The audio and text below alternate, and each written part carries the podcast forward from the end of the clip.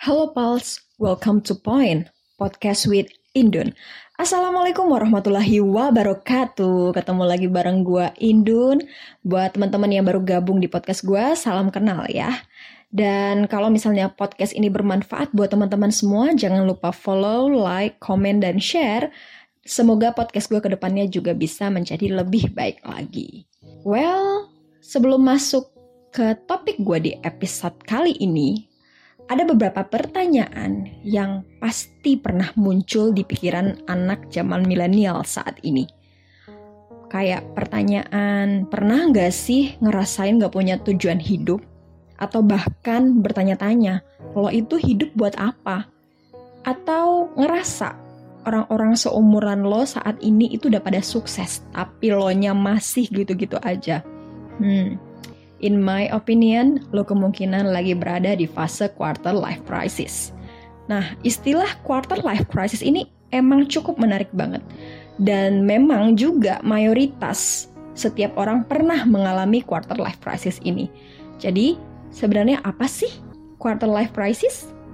Dari beberapa sumber yang udah gue baca, baik itu artikel, jurnal, ataupun video yang gue tonton mengenai quarter life crisis, secara sederhana gue menyimpulkan quarter life crisis itu adalah kondisi ataupun periode seseorang yang mengalami keraguan terhadap masa depannya ataupun tujuan hidupnya gitu.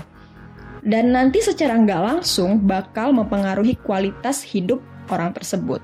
Dan hal ini biasanya terjadi rata-rata di usia 20 sampai dengan 30 tahunan. For example nih, lo baru aja lulus kuliah di jurusan A misal tapi lo malah ragu buat kerja di bidang atau jurusan lo sendiri. Yang ada lo malah kepengen bekerja di bidang B. Tapi lo malah takut juga nih ngambil resiko untuk bekerja di bidang B. Akhirnya lo tetap milih bekerja di bidang A. Tapi malah nggak maksimal. Akhirnya lo ngerasa terjebak. Bahkan udah mulai-mulai nih menyalahkan diri sendiri, nyalahin orang lain, nyalahin orang tua, dan mulai nyesel kenapa gue milih jurusan A? Udah mulai uring-uringan, bahkan udah mulai mengandai-andai. Andai aja gue kuliah di jurusan B, bukan jurusan A. Andai aja gue kuliah di kampus B, bukan di kampus A. Udah mulai galau. Contoh lainnya, lo udah mulai merasa insecure terhadap goals hidup lo sendiri. Nah, tingkat kecemasan lo mungkin dari segi karir, finansial, ataupun relationship itu udah mulai memuncak. Dampaknya apa? Lo bakalan terjebak di pikiran lo sendiri, terjebak oleh rasa takut, cemas, bingung. Akhirnya lo malah memblok diri lo sendiri yang nanti muaranya lo nggak melakukan apa-apa untuk bergerak maju. Ada beberapa faktor memang yang mempengaruhi quarter life crisis ini, yang pertama tentunya tuntutan dari lingkungan, kayak keluarga, sosial, pertemanan, yang terkadang memang memaksa diri lo untuk menjadi yang mereka harapkan, bukan menjadi apa yang diri lo inginkan. Ya, kurang lebih lo sendiri pengen membahagiakan semua orang, yang aslinya sebenarnya membahagiakan semua orang itu ada porsinya juga loh. Seharusnya lo bahagiakan dulu diri lo, baru bahagiakan orang lain. Nah, yang kedua biasanya itu kebiasaan membanding-bandingkan kesuksesan orang lain terhadap diri lo itu juga pemicu dari quarter life crisis. Ya, lo ngerasa saat ini lo belum terlalu banyak melakukan perubahan ataupun belum terlalu banyak melaksanakan pencapaian. Misal, di umur 24 tahun dia udah merit ya, karirnya bagus, udah punya suami, udah punya anak, Eh, sedangkan gue masih sibuk kerja, penghasilan gue pas-pasan, gak tahu juga mau nikah kapan. Atau mungkin contoh lain, ih dia mah enak, dia mah anak orang kaya, bokap nyokapnya punya usaha yang udah sukses, dia cuma ngelanjutin doang. Pokoknya hidupnya udah enak deh, kayak jalan tol. Atau mungkin saat ini lo lagi mempersiapkan diri buat terjun ke dunia kerja, tapi tuntutan sosial semakin menekan diri lo ya dengan label job seeker akhirnya lo minder bingung dan gak tahu mau mulai dari mana Nah, menurut peneliti dan pengajar psikologi dari University of Greenwich London, Oliver Robinson, beliau mengatakan ada empat fase dalam quarter life crisis ini. Pertama, adanya perasaan terjebak gitu dalam situasi baik itu keluarga, finansial, karir, ataupun relationship. Nah, ketika orang-orang mulai merasa terjebak, malah sebenarnya kondisi itu ternyata adalah kondisi yang menggambarkan sebuah ilusi gitu loh. Jadi sebenarnya itu tuh hanya sekedar ketakutan. Nah, ketika seseorang itu nanti berhasil lepas di fase itu, biasanya orang-orang bakalan ngeliat tuh ada kemungkinan yang bakalan terjadi ke depannya. Nah, tanda-tandanya banyak perubahan yang drastis nih. Banyak banget pilihan yang bermunculan, kayak pilihan dari segi karir, keuangan, manajemen hidup, bahkan ya hubungan dengan lawan jenis gitu ya.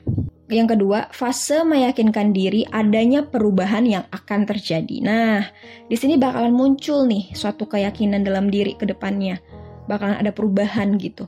Karena tadi di antara banyak pilihan, pasti bakalan muncul peluang-peluang ataupun kemungkinan-kemungkinan yang ada di pikiran lo. Mungkin kalau gue milih ini, gue bakalan begini ya.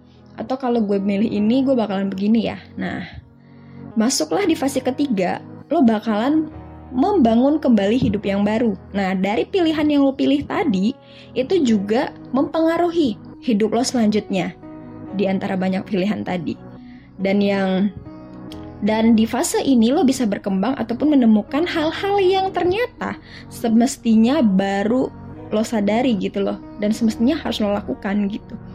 Dan di fase terakhir lo mulai nih bangkit.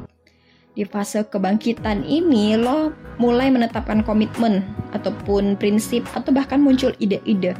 Nah, yang nanti pastinya akan berdampak lo itu bakalan lebih berani melangkah ataupun juga lebih berani mengambil resiko untuk perjalanan hidup lo selanjutnya.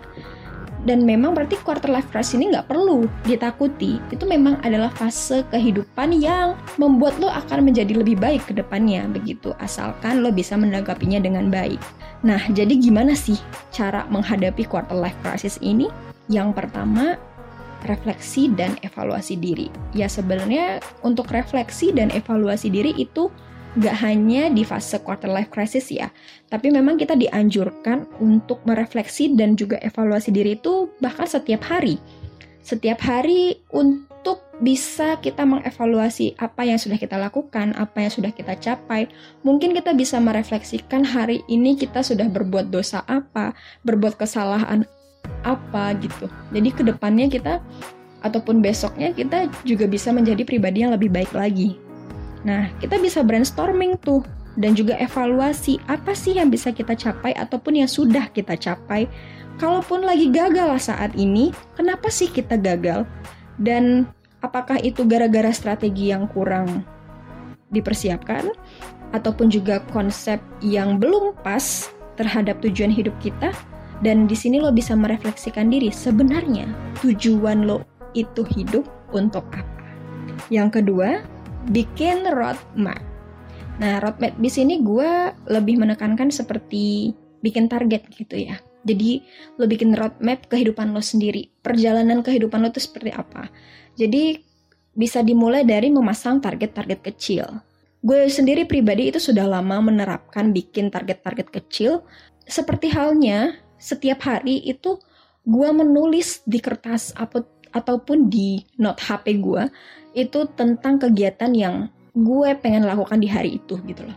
Jadi misalnya di hari Senin gue mau ngerjain apa, itu selalu gue tulis di dalam kertas ataupun di note di HP supaya gue lebih tertata dan gue bisa tahu gue harus mulai dari mana.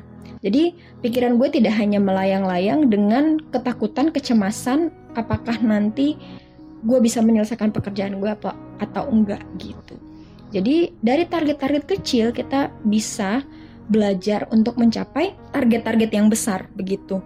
Jadi di situ juga lo bisa mulai nih bikin roadmap kehidupan lo.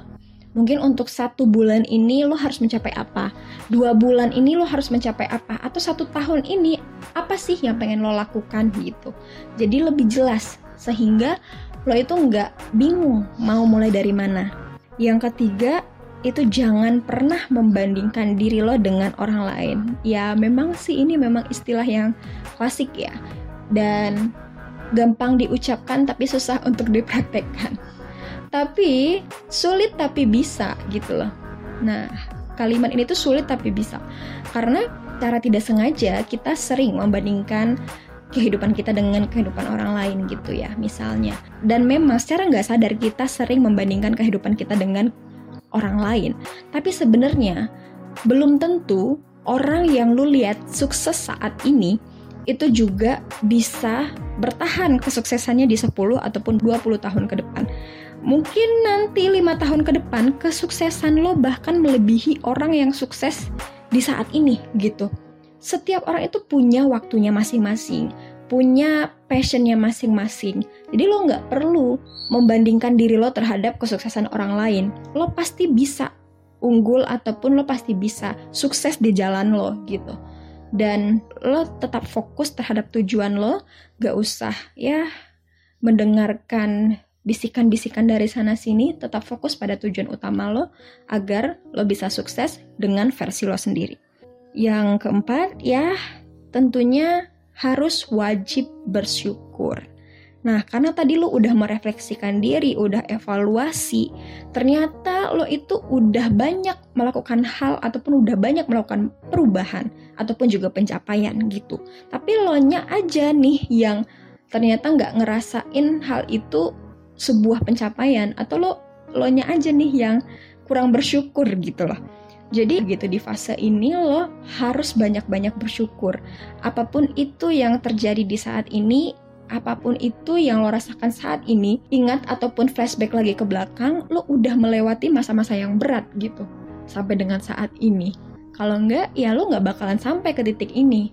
Nah, jadi lo harus banyak bersyukur, dekatkan lagi diri kepada Tuhan, Ketika kita mendekatkan diri kepada Tuhan ataupun Sang Pencipta, tingkat religius kita meningkat, ya kita bisa menghadapi quarter life crisis ini dengan lebih tenang, dengan lebih bisa membuka pikiran gitu. Pikiran kita terbuka karena kita menganggap hal ini adalah memang fase yang terjadi di dalam kehidupan kita, adalah fase yang memang sudah diatur oleh Sang Pencipta.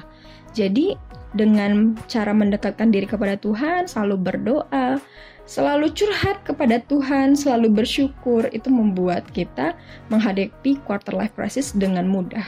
Ya, sa jangan sampai kita menghadapi quarter life crisis ini dengan hal-hal yang negatif, yang bahkan nanti akan menghancurkan masa depan kita.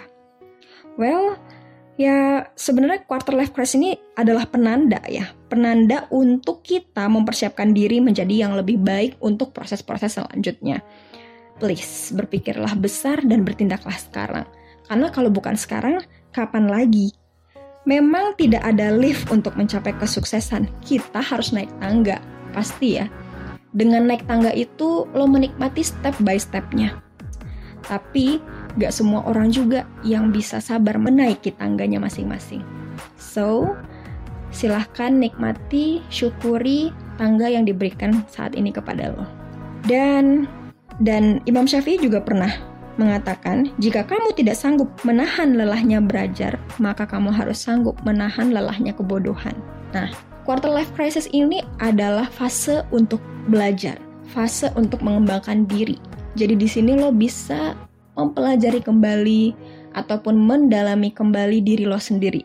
Dan lo harus bisa mengembangkan potensi diri lo lebih eksplor lagi apa yang harus lo lakukan, apa yang belum pernah lo lakukan, atau apa yang masih kurang dalam hal pencapaian di hidup lo. Jadi teruslah belajar, jangan pernah bosan, jangan pernah lelah, dan jangan pernah berhenti belajar.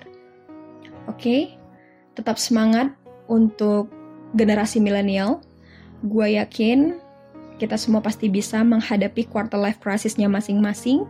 Tetap bersyukur, tetap jaga kesehatan.